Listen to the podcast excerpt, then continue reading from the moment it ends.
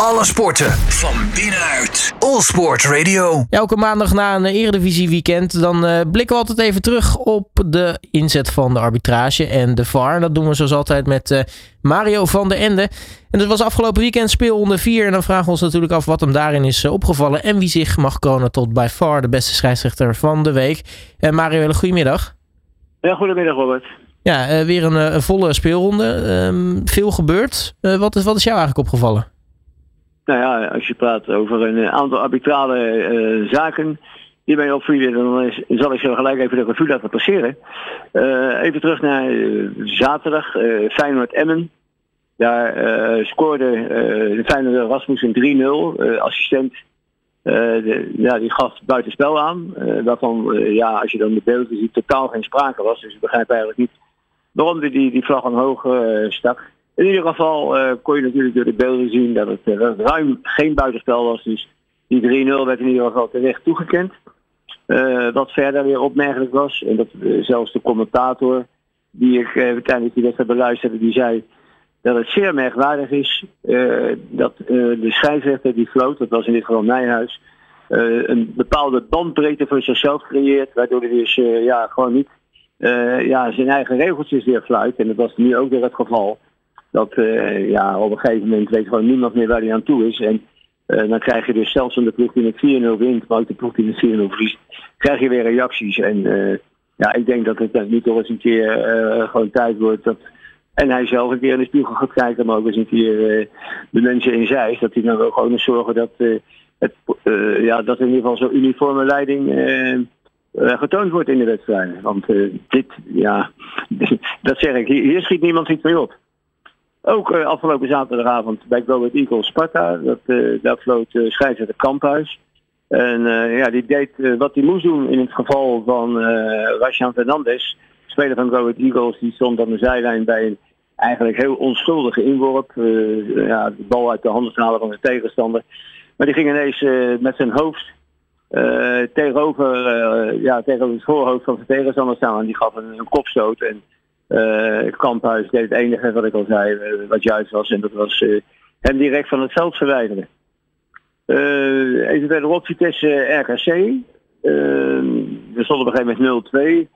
Ja, Vitesse, die kreeg een strafschop.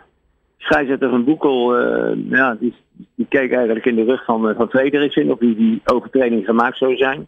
Ja, ik zag er geen overtreding in. Ik, ik hoorde later ook op de televisie weer mensen zeggen van ja, hij uh, de, de strafschop werd cadeau gedaan. En dat idee had ik ook een beetje. En ik, ja, ik vond het heel vreemd dat uh, bijvoorbeeld de VAR dieper drinkt. Maar het kan ook zijn, want dat, uh, dat heb je dan als tv-kijker ook.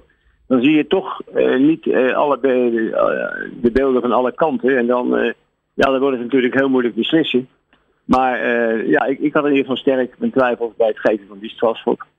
Nou, dan gaan we even naar gisteren.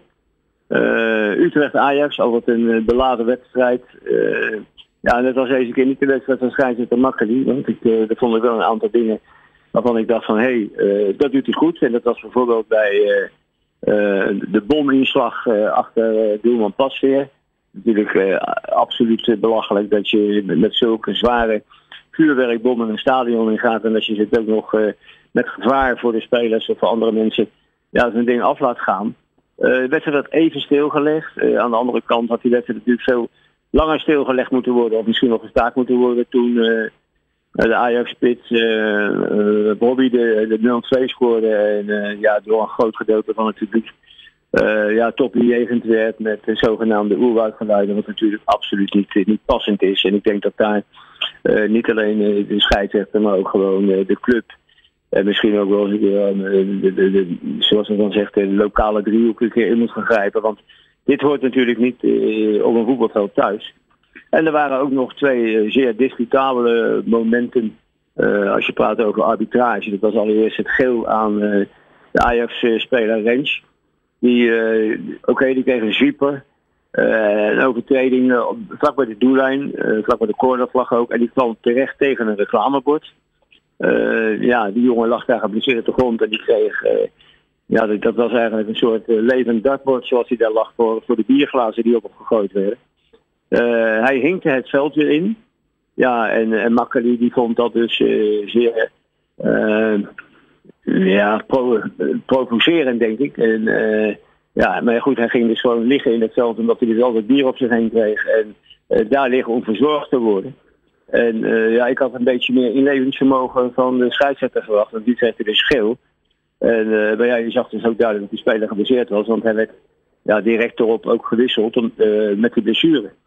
En daarnaast, wat, en de scheidsrechter, Makker in ieder geval, maar ook de VAR, Lichtler ontging. Dat was een, een hele zware overtreding van Boesnaïd van FC Utrecht op, op Deli Blind. Ja, die werd ook na die actie ook gelijk gewisseld, omdat hij ja, geblesseerd raakte door die actie. En die nog gewoon blij zijn ja, dat hij scheenbeschermers droeg. Want anders had waarschijnlijk zijn scheenbeen er heel anders uitgezien dan dat hij het veld kon verlaten. En dat was bij Cambuur AZ. Daar floot uh, scheidsrechter Dieperink. En uh, nou ja, goed, die moet ook nog maar eens kijken naar, eh, naar de samenvatting. daar waren die beelden heel goed te zien dat bijvoorbeeld uh, Paulussen van Cambuur... Ja, die plantte zijn been echt in het, in het scheenbeen van uh, AZ-speler uh. Hij volgde nu geel. Maar ik denk dat rood op zijn plaats was geweest. En hij gaf ook een keer geel Dieperink aan uh, Jacobs.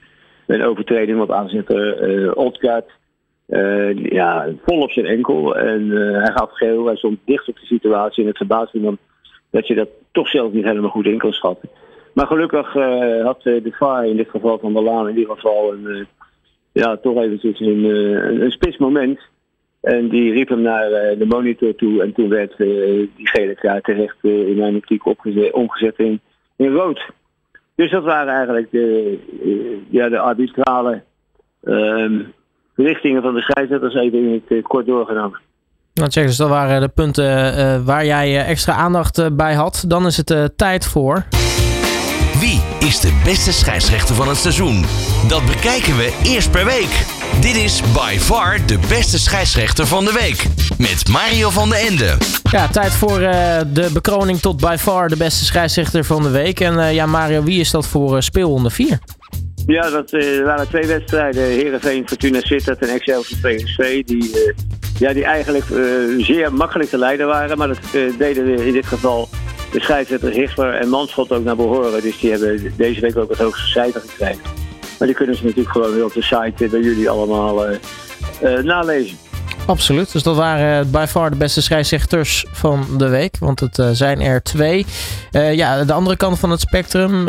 Ik, ik, hoor natuurlijk al wel wat namen en, en, en, en dingen vallen. Maar ja, zijn er toch scheidsrechters die je toch even, even weer moeten opletten? Nou ja, opletten. Kijk, ik, ik heb net ook al eerder aangegeven. De scheidsrechter bij Feyenoord en Nijhuis. Die, ja, die dan toch de alle kanten kritiek krijgt. Dat hij zijn eigen regeltjes maakt en hanteert. Ja, ik denk dat, dat, uh, dat hij maar weer eens een keer uh, ja, voor de spiegel moet gaan staan en denken van, uh, waar ben ik mee bezig? Nou, helemaal helder. Mario van der Ende mag ik je weer hartelijk danken voor je tijd. En dan spreken we dus goed dus volgende week weer. En dan hebben we ja, wat extra wedstrijden ook inmiddels achter de rug, hè? Ja, ja, je hebt aanstaande woensdag en donderdag zijn er nog drie wedstrijden die, ja, die eerder natuurlijk uit het programma werden gehaald voor de Europese verzichtingen van de clubs. Dus dat uh, betekent uh, ja, extra veel kijken. Maar ja, als je van voetbal houdt, is dat niet zo heel erg. Nee, precies. Dat, uh, dat snap ik inderdaad precies. dus dat wat zijn wat extra wedstrijden. Dus dan hebben we maandag wat, wat meer te bespreken. Dus Mario, dank je wel voor je tijd. En spreek je natuurlijk maandag weer. Graag gedaan. Mooie uitzending verder. Dit is by far de beste scheidsrechter van de week. All Sports Radio.